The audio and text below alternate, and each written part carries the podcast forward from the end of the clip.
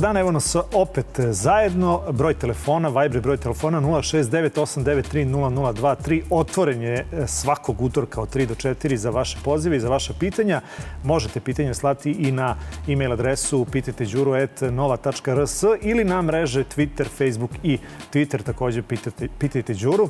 A, a ono što je a, nekoliko puta stizalo kao pitanje, doduše u formi maila, odnosilo se na pozive a, preoshodno e, vladajuće stranke i to ti pozivi su e, većinom bili u popodnevnim časovima kada ljudi odmaraju ili čak subotom i nedeljom.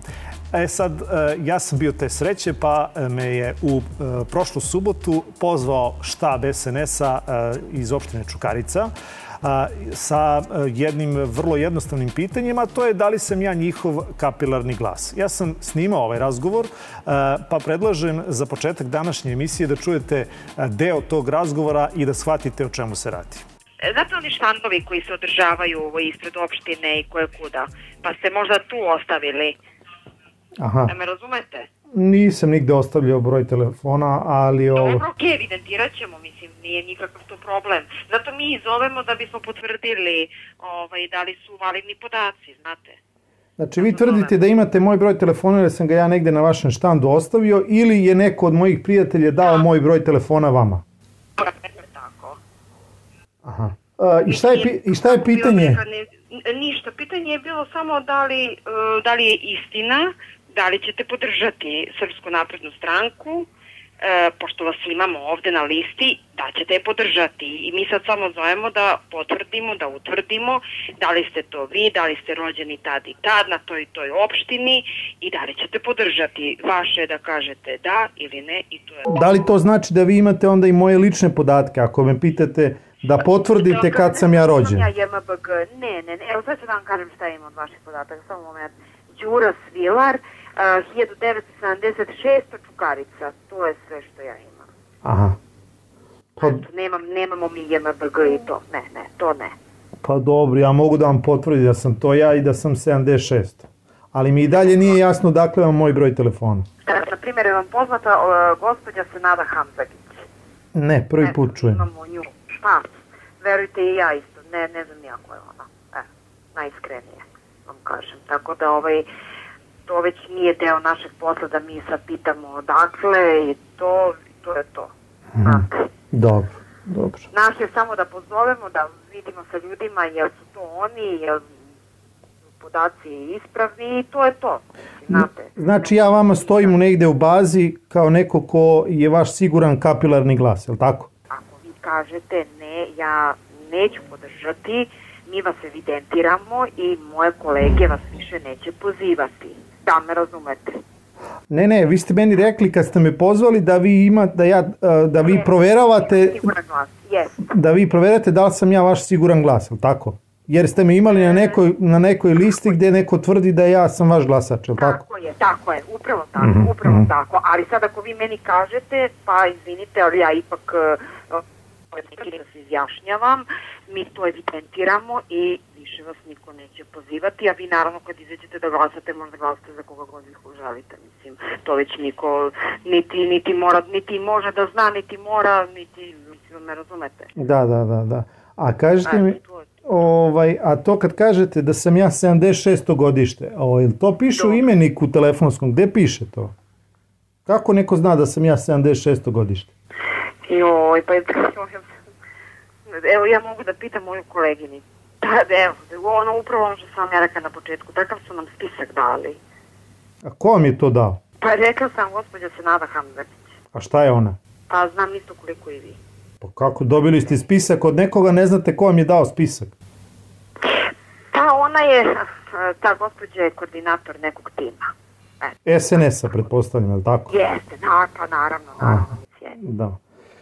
Dobro, gospođo, evo ja ću vam samo reći da vam neću dati informaciju ni da li sam siguran glasač i da li nisam. To je vaše pravo, ma da nemojte se možete, ako vas neko od mojih kolega bude, po, ja ću ovde evidentirati, ako vas slučajno neko bude pozvao, rekla sam, vaše je da kažete ne i doviđenja, prijatno, mislim, uopšte nemojte da se opterećujete da vi morate nekome da date podatke, ne morate, to je, to je vaše pravo i to je to. Pa šta i onda da...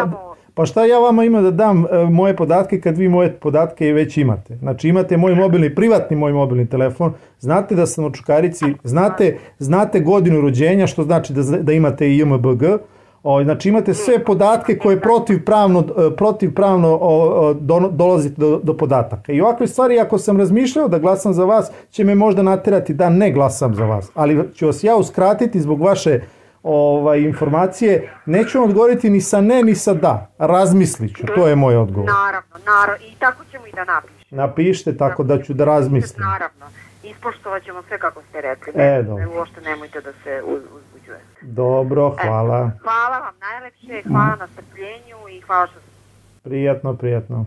Eto, ja sam imao nekih e, pet minuta vremena te subote popodne, e, popodne, dakle, bilo je subota i pričali smo malo e, i ovaj razgovor sam ja snimao, pošto iako su oni tvrde da su potpuno na legalan način došli do mojih podataka, ja sam možda i ne upozoravajući sagovornicu da ću je snimati, to učinio svesno, možda kršeći i poneki zakon. E sad, e, da bismo otkrili ko je ovde prekršio i koji zakon, e, imamo na vezi gospodina Rodoljuba Šabića, advokata i e, čovjeka koji se kao nekadašnji poverenik za informacije od javnog značaja borio godinama za ovakve, sa ovakvim situacijama i sa ovakvim ovakvim problemima i očigledno da ta borba, nažalost, nije bila toliko, toliko uspešna, jer i dan danas imamo zloupotrebu ličnih podataka i pozivanje građana na njihove, sad već e, ne više na fiksne brojeve telefona, već i na e, mobilne brojeve telefona. Gospodine Šabiću, dobar dan, dobrodošli.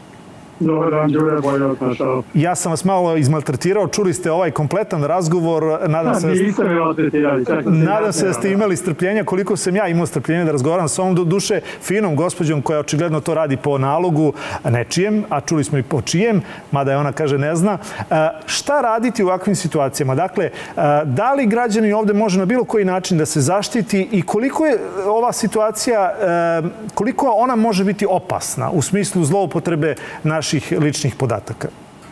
Pa, ova konkretno naredno ne može i, ovaj, i vi ste se ljubav ponašali neko kako treba da, da se ponaša građe. Gospodja koja, koja je jednostavno razgovarala koliko god bila pristojna i uvazna, nije se ponašala na pravi način. Znači, kad se upuštate u obredu nečih podataka, dakle, pa sebi čak dozvoljavati da postavite nekakve delikatna pitanja, otprilike da li ćete glasati za ovu stranku i tako dalje, ali posebno kad su upuštate obredu ličnih podataka, a lični podatak je ime i prezime i adresa i godina rođenja. I po svojoj prilici, dakle, ona imala više podataka vi ste dobro pretpostavili nego što vam je i rekla, onda u najmanju ruku dugujete toj osobi čim podacima baratate, odgovor na svako pitanje koje se tiče osnova, svrhe, smisla, načina pribavljanja, stavljena na raspolaganje tih podataka. Prema tome, svako dakle, ko koristi vaše podatke koji je pribavio bez vaše saglasnosti, ako nije u stanju da objasni na koji drugi zakonit način je pribavio, zapravo krši zakon i ugrožava, i ugrožava vaša vaša, ovaj, vaša prava. A što se tiče, ajde da ne budem sujet, ali što se tiče konstatacije, dakle da poverenik za zaštitu podataka nije uspeo u borbi, slažem se ja naravno s efektima, ali moram reći u celom normalnom svetu, dakle borba za zaštitu podataka ličnosti ne svodi se na nastojanje jednog organa. On, on po pravilu traži i dobija podršku čitavog niza drugih državnih subjekata. Kod nas je upravo obrnuto. Kod nas su, dakle, čini se zbirke podataka koje se po zakonu, dakle, nalaze u posjedu državnih koji da se koriste samo u zakonu definisane svrhe, prvo tretiraju kao lebigo slan. One su izgleda slobodan plen stranke, one koja je u tom trenutku vladajuća, pa onda tako koordinatori stručnih timova dobiju od ne znam se koga, lične podatke građana, deli tako neinformisanim saradnicima, oni onda s njima rade ovaj, šta god hoće. I nije ovde stvar samo dakle, u dozvoljno i nedozvoljno ovde i podataka. Da, to je stvar ako hoćete i uznamiravanje građana. Da ne prija svako ovakav razgovor i nema svako živca kakve ste vi imali. Da. I kad vam neko kaže, ima ljudi, dakle, koji su, kako bi rekao, i senzibilni, i skloni i sram. Dakle, kad vam neko kaže, zabeležit ću da nećete glasati za nas. To može da bude prosta konstatacija, ali to može da bude i indirektna pretnja. Neko to može tako da doživi. Znači, neko ko zna i moj broj telefona i po svojoj prilici i moju adresu i tako dalje, ili nije problem da je otkrije ovaj, zabeležit će da ja neću glasati za njegovu stranu. Dakle, možda preteruje, možda ne, ali to svakako, svakako ovaj, nije, nije u redu. U najmanju ruku ovo jeste jedna vrsta pritiska, jer e, kada sam kolegama e, pokazao ovaj, to je pustio im ovaj snimak, e, oni kažu, aha, imaju te u bazi podataka ovaj, i sad e, pitaj, pitaj sam sebe kako ćeš reagovati i da li ćeš glasati. Dakle, da prosto e, ostavimo to šta bi bilo kad bi bilo. Ima i onih situacija gde ljudi zaista biva im neprijatno. Pa tako smo dobili još jedan snimak sa drugačijim pitanjem, pa predlažem samo kratko da čujete i kako je ovde tekao tekao razgovor, pa ćemo i to prokomentarisati. A, ja sam Vuče, dobar dan, izvolite. Da, samo kratka anketu, da li ste zadovoljni radom našeg recimo. Hvala najlepše na pitanje, ali možete molim da mi kažete odakle vam moj broj telefona? Ne znam, dobili smo možda od nekog vašeg prijatelja. Od nekog mog prijatelja. Možete molim vas da mi kažete od kog mog prijatelja, pošto me to jako zanima. Ne znam tačnu informaciju. A dobro, ali možete mi kažete koga mogu da pitam? Pa ne znam, ne znam, da mi nam reći. Prijatno.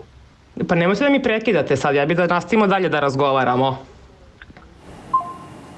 Da, ovde razgovor očigledno nije nastavljen, već je taj koji je pozivao iz Srpske napredne stranke e, spustio slušalicu i nije udostojio e, ovu gledateljku koja je poslala ovaj tonski zapis e, odgovora na pitanje dakle, ko, ko je dao broj telefona. Očigledno je ovo masovna pojava i ovo nije pojava koja se sada pojavljuje pred ove izbore. To je nešto na što su ljudi navikli već godinama. A postoje li sistemski način da se ova stvar reši. To jest, šta vas pitam, da li ovde neki organ da radi svoj posao, da li bi morao, pošto je ovo masovna pojava, dakle to ćete čuti malte da ako napravite anketu u svom okruženju, sigurno postoje ljudi koje, koji su bili pozivani od strane vladajuće stranke da bi odgovarali na koje kakva pitanja. Dakle, da li je ovde dužnost bilo kog organa, tužioca, koga god, da se pozabavi ovim odakle vladajućoj stranci e, podaci građana. I u suštini odakle ova zloupotreba?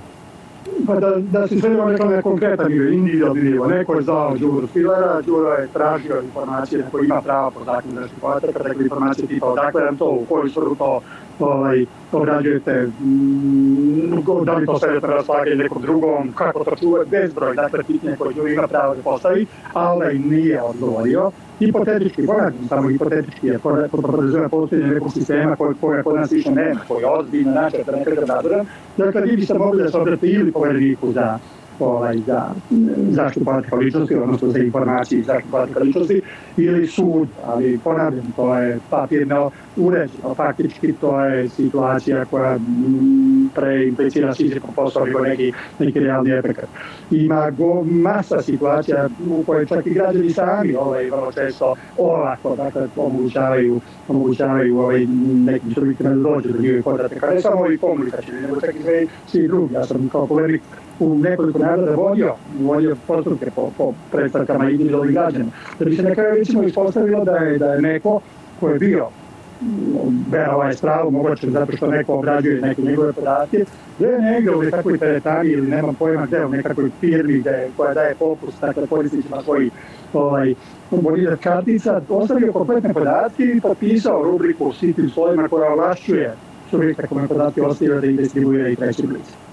Dakle, mnogo je, mnogo je stvari koje bi tu moralo da se urede na pravi način, naravno da se konsekventno primjenjuju propisi, naravno pre svega da se rigorozno kažnjavaju, naravno ljudi u državnim organima vlasti koji se usuđuju dakle, da zbirte podataka koje je država ustanovila u određenu svrhu ovaj, dele političkim strankama ili bilo kome drugom. I konačno, dakle, ovakve par razgovore, mogli da razmišljamo da je, da je moguće isključiti zakon. Ova država nekoliko navrata, recimo, donosila propise, koje donosi takođe, kao i većinu naše neko segmento primenjivala, koji su zabranjivali, dakle, taj takozvani agresivni marketing na srtivo, na srtivu trgovinu, dakle, koji su mm, suočavali, dakle, moguće prodavce roba i usluga, koji da zasipaju nepotrebnim pozivima i tako dalje, koji su im zabranjivali da čine protiv na vašoj vlasti, koji su obavezivali da ne prvo podelje prekidnu komunikaciju.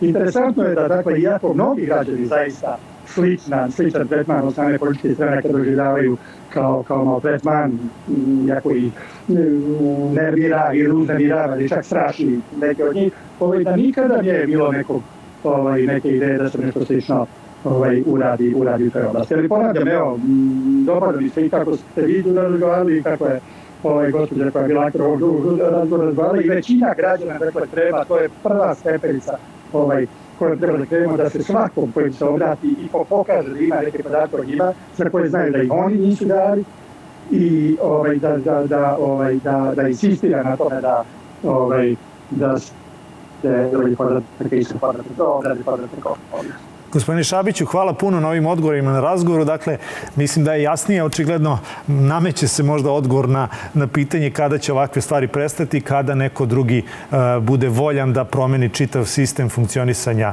ovog uh, zvanja i uopšte da to zabrani, pa onda jednoga dana uh, možda ćemo imati i uh, tu priliku da nas niko ne uznemirava uh, popodne, vikendom, niti bilo kojim drugim danom, a pogotovo da ne zloupotrebljava naše lične podatke. Hvala još jednom, gospodine Šabiću. Idemo e, posle ove priče, idemo na e, jednu priču koja se odnosi e, na problem na Čukarici. Naime, pisali ste, Ivana je pisala, kaže, poštovani Đuro, na Banovom brdu u ulici Nikolaja Gogolja kod auto Demsa, NN lice je okupiralo pola parkinga sa očiglednom namerom da tu nešto sagradi. Mi stanari okolnih zgrada smo zbunjeni pa i zabrinuti jer ne znamo o čemu se radi, da li je u pitanju divlja gradnja ili nešto treće, pošto je reč o javnoj površini, to jest parkingu Hvala napred, tu srdačan pozdrav. Dakle, pitala je Ivana, evo što sam ja dobio kao odgovor iz opštine Čukarica. Oni kažu ovako, predmetna površina koja je ograđena je od uvek bila privatna parcela fizičkih lica. U prethodnom periodu vlasnici su dozvolili privremeno parkiranje na svojoj parceli do privođenja zemljišta nameni, a u skladu sa planom detaljne regulacije. Obaveštenje o privremenom zauzeću je bilo istaknuto sve vreme na tabli na samoj lokaciji. Dakle, ne radi se o javnoj površini, u ovom slučaju već o privatnom posedu fizičkih lica koje su obavestila opštinu o dobijenju građevinske dozvole od Sekretarijata za urbanizam grada Beograda, a sve u skladu sa zakonom o planiranju, izgradnji i važećim planom detaljne regulacije. Dakle, to su odgovorili iz opštine Čukarica. Očigledno vi niste znali da je ova površina u privatnom vlasništvu i da na neki način ovaj vlasnik bio voljan da e, prosto svojim komšijama pusti da se e, parkiraju na ovoj površini. E, sad je došlo vreme dakle, da on svoju e, površinu naplati, to jest privede je nameni u ovom slučaju očigledno da e, da investitoru da sagradi zgradu, pa će ta zelena površina više neće biti za parkiranje, već za stanovanje kako danas stvari stoje. Idemo na sledeću temu. Ovu temu smo u nekoliko navrata obrađivali na raznorazne načine, ali očigledno da ovaj problem je možda prepušten samom sebi, sem e, pojedincima koji brinu o opštem dobru i nekima koji imaju organizacije udruženja građana koje se brinu za ovakve stvari. Naime, o čemu je reč? Reč je o Savskom nasipu. I po ko zna koji put e, pucaju cevi koji su nelegalno probušene ispod Savskog nasipa, čime smo u nekoliko navrata pričali o tome kako to sve izgleda i šta može kao, biti kao konsekvenca ukoliko, ne daj Bože, stignu poplave kao što su one bile, e, kao one u Obrenovcu. E, neki ljudi koji su stručni govore da bi, ukoliko bi se to desilo, da bi malte ne e, kompletni blokovi plivali i u poplavi da bi bilo ugroženo preko 100.000 ljudi. E sad, e, ova slika koja stiže i koju vidite je slika koju ste videli slika e, upravo sa Savskog nasipa, nastala pre neki dan. Zato je na vezi Oliver Ilić iz Udruženja Savski nasip. Olivere, e, zdravo još jednom, dobar dan. Dakle, ovaj problem se očigledno ne rešava. Upozoravate, pisali ste, da li vam se iko obratio i odgovorio na ovo što smo uspeli da vidimo, gde se ovo tačno nalazi? Mi smo se obraćali nadležima već duže vremeno, odnosno to je već vi nekoliko godina, osim se obraćamo, odnosno prvi put kada smo uočili ta creva koje su vlasnici nelegalnih objekata i splavova probušili ono kroz nasip da bi protivpravno ono dovukli vodu sa strane tamo gde su oni blokovi do svojih splavova i uočili smo da ta creva pucaju i da kroz nasip izlazi voda, da na takve e, na takvo zabrinjavajuće ono urušavanje nasipa niko ne reaguje, podali smo prijave, nadležni su poprilično bili neodgovorni na prijave, nisu reagovali, onda smo se žalili na prijave, e, na, na rad nadležnih, odnosno rad vodnih inspektora, nadležnim e, njihovim inspekcijama, to je Sonja Božović Podunavac, ona se tu dala neke nemušte odgovore, međutim nasip nije saniran,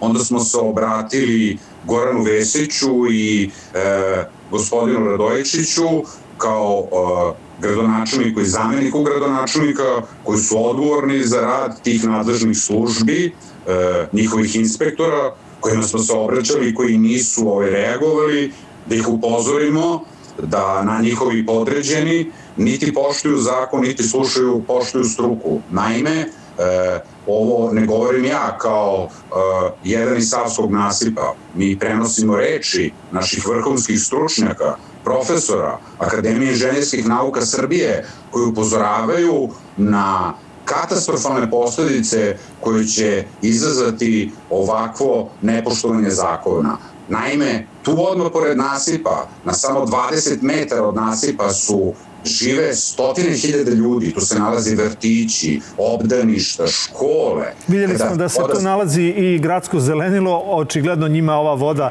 u okolini njihove zgrade ne smeta i ne reaguju ni oni, dakle kao jedno od komunalnih preduzeća koje bi tekako moglo, moglo da reaguje. Uh, Olivere, uh, ja prosto vam stojim uvek na raspolaganju za ovakve stvari i ovo je jedna vrsta pritiska, ako ništa drugo. Dakle, ovo je jedan legat koji ćemo danas ostaviti možda možda u, u, amanet nekim generacijama koje će biti dovoljno pametne da ovaj problem jednom za svak da reše? U principu, ovo ne može da reaguje gradsko zelenilo. Problem je toliko ozbiljan da ovde reaguje policija i vojsko u svim drugim državama. Zato što su ugroženi zdravlje, životi i imovina ogromnog broja ljudi. Tako da jednostavno zbog nepoštovane zakona preti nam katastrofa zbog toga što smo dozvolili da ovom državom vlada mafija. Eto. Oliver, hvala puno na, na uključenju. Hvala, hvala što postojite i što upozoravate na ovakve stvari, jer ovo je nešto što se, što se tiče svih nas, ne samo onih koji žive na Novom Beogradu i koji koriste Savski nasip za šetnju i za rekreaciju i za sve ostalo, nego prosto bolje sprečiti nego lečiti, a ovde očigledno ukoliko dođe do bolesti, boga mi ne znam kako će se e, provesti svi oni koji žive u ovom delu Novog Beograda. Oliver, hvala još jednom. Hvala, Đuro, čujemo se. Eto, čuli ste Olivera Ilića iz Udruženja Savski nasip, a mi idemo na jednu drugu temu koja se takođe tiče uh, stotine hiljada Beograđana, to jest čitavog Beograda i ne samo Beograda, već svih onih koji dolaze u naš glavni grad. Uh, naime, uh, gledalac Dragomir Lukić, inženjer, je reagovao povodom gostovanja gospodina Teodorovića kada smo pričali o izgradnji metroa. On se zahvaljuje što ovu temu obrađujemo, ali E, je u jednom opširnom mailu, to jest više mailova, e, napisao šta je ovde još nedostatak, a šta mi u tadašnjem postu, to jest podcastu nismo pomenuli. Pa ću ja ići redom, dakle, kako je gospodin e, Lukić pisao. On kaže, ne znam da li vam je poznato da je Edgis Rail uradio dve studije metroa, tačnije definisanja trasa metroa i to prvu 2012. a drugu 2019. Pa pogledamo razlike. Između njih. U prvoj studiji iz 2012. su bile predviđene presedač presedačke stanice između prve i druge linije metroa i Beogradskog voza, odnosno železnice. Međutim, u studiji iz 2019. tih presedačkih stanica nema. Jer kako je to izjavio zamenik gradonačelnika za Blic, ispod železničke stanice Beograd centar Prokop je delimično izgrađen tunel za metro u dužini od 26 metara od planiranih 90 metara, dok kod stanice Beogradskog voza Vukov spomenik ona je stanica BG voza i nema nikakve veze sa metrom. Dakle, to je gospodin Vesić izjavio i kako to obično biva, kako kaže gospodin Lukić, ako koza laže, rog ne laže, pa je tu prilog koji je on poslao gde e, se vidi da presedačke stanice Prokov i Vukov spomenik iz koga se vidi da su u, još u prošlom veku izgrađeni tehnički uslovi za te dve presedačke stanice, a u studiju koji je Edge Rail uradio 2012. bilo je predviđeno da se izgradi most preko reke Save, međutim u studiji iz 2019. je umesto mosta predviđen tunel ispod reke Save.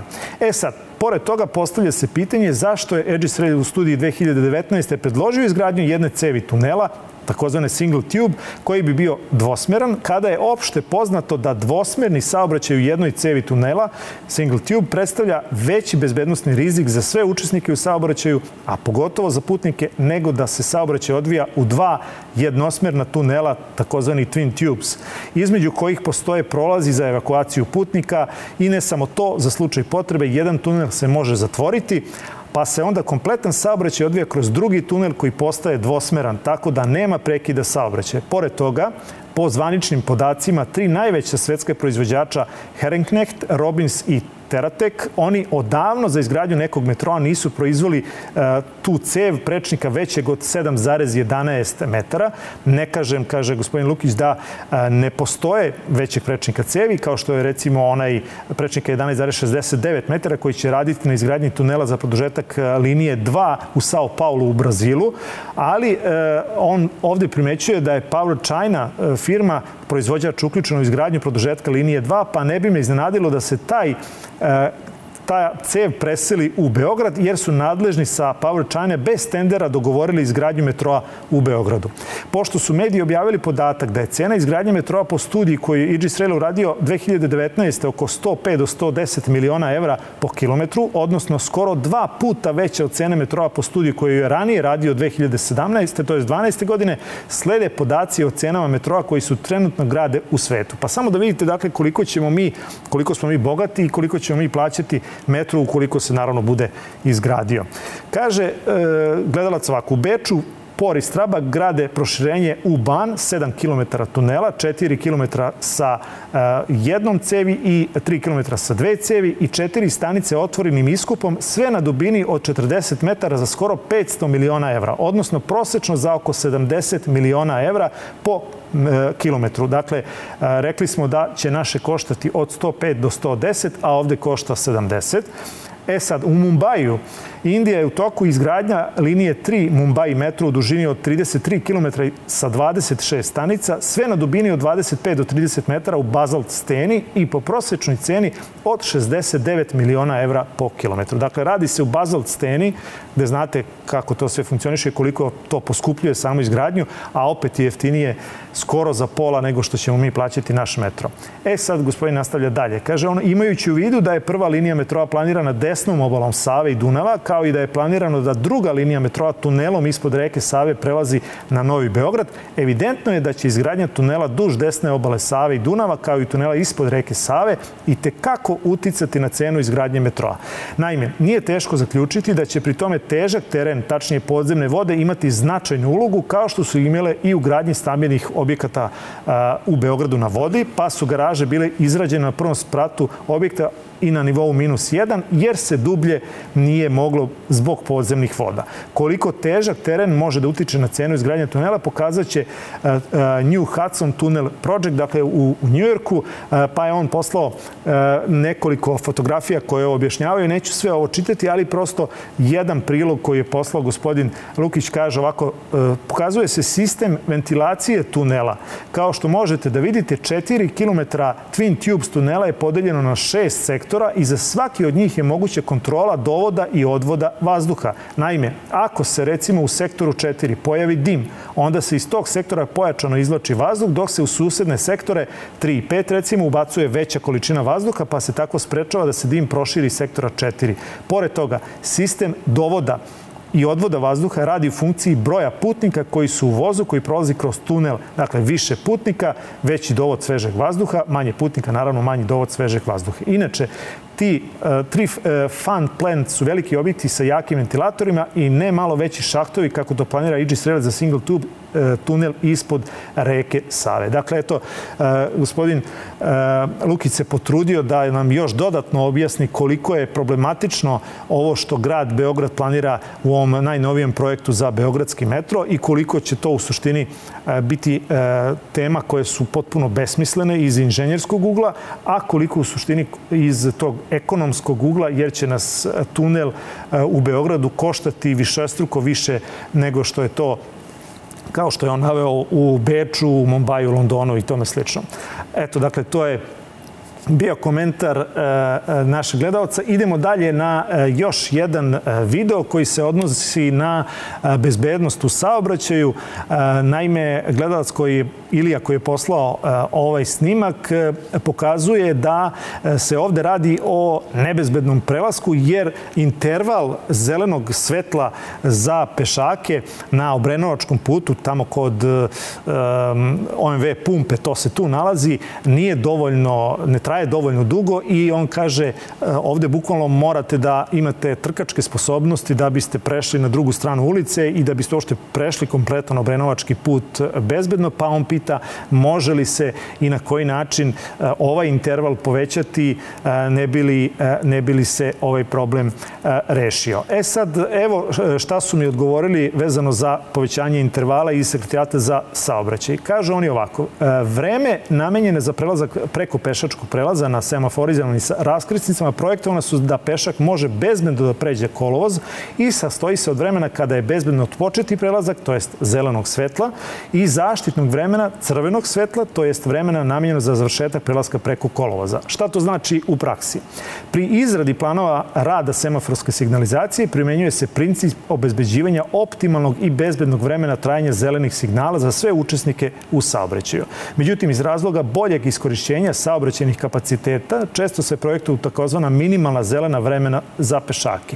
Trajanje ovih vremena se projektuje na takav način da se obezbedi prelazak minimum dve trećine širine kolovoza, dok se ostatak prelazi u takozvanom zaštitnom vremenu. Ovo vreme predstavlja period između kraja pešačkog zelenog vremena i početka zelenog vremena za vozačke tokove koji presecaju taj pešački prelaz.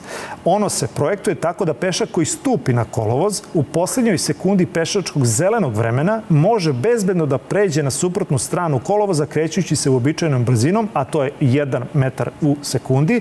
Vremenski ciklus namenjen za kretanje pešaka u direktnoj zavisnosti od obima saobraćaja na ulicama.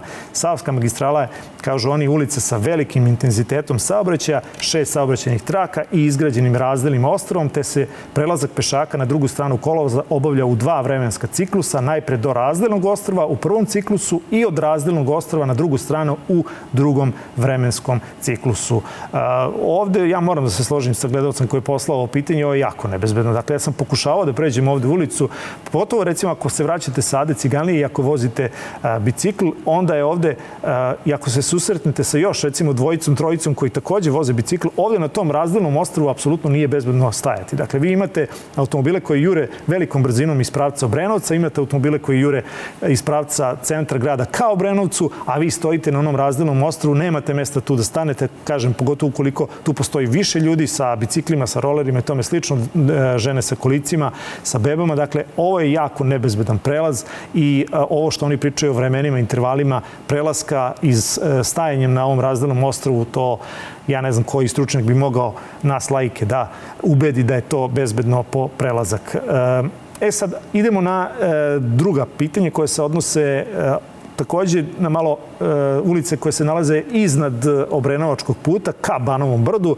E, isti gledalac Ilija je poslao, poslao ovo pitanje. Ona su se odnosila e, na nekoliko ulica, ali većinom isti je problem. Dakle, nepostojanje saobraćene signalizacije, ni vertikalne, ni horizontalne, e, parkiranje automobila koji se parkiraju na mestu gde to e, nije dozvoljeno, a, a evo šta su meni odgovorili opet iz sekretarijata za saobraćaj e, vezano vezano za e, ove probleme. Kažu, e, sekretarijat za poslove komunalne milicije e, je poslao patrolu komunalne milicije dana 6. decembra u 14 časova. Izvršili su kontrolu komunalnog reda u ulici Svetolika Lazarevića Laze kada, je, kada su zatekli dva nepropisno parkirana vozila koja je fotografisana. Koja su fotografisana. Ponovnu kontrolu na navedenoj lokaciji patrola je izvršila dana 8. decembra u 22.55 kada je zatekla jedno nepropisno parkirano vozilo koje je fotografisano.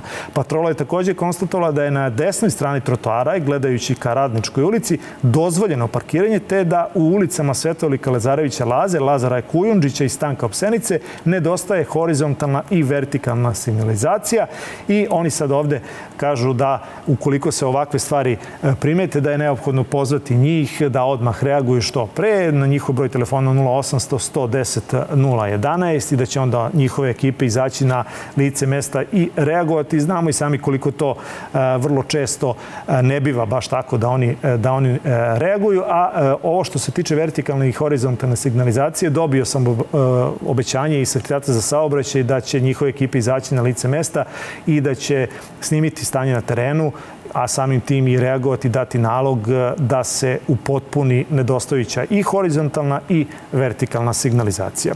Eto, to je sve za današnju emisiju, za današnji podcast. Šaljite vaše pitanja na broj telefona, Viber broj telefona 069 893 0023 ili pišite na Facebook, Instagram i Twitter mreže Pitajte Đuru ili pitanje šaljite na e-mail adresu pitajteđuru at nova.rs.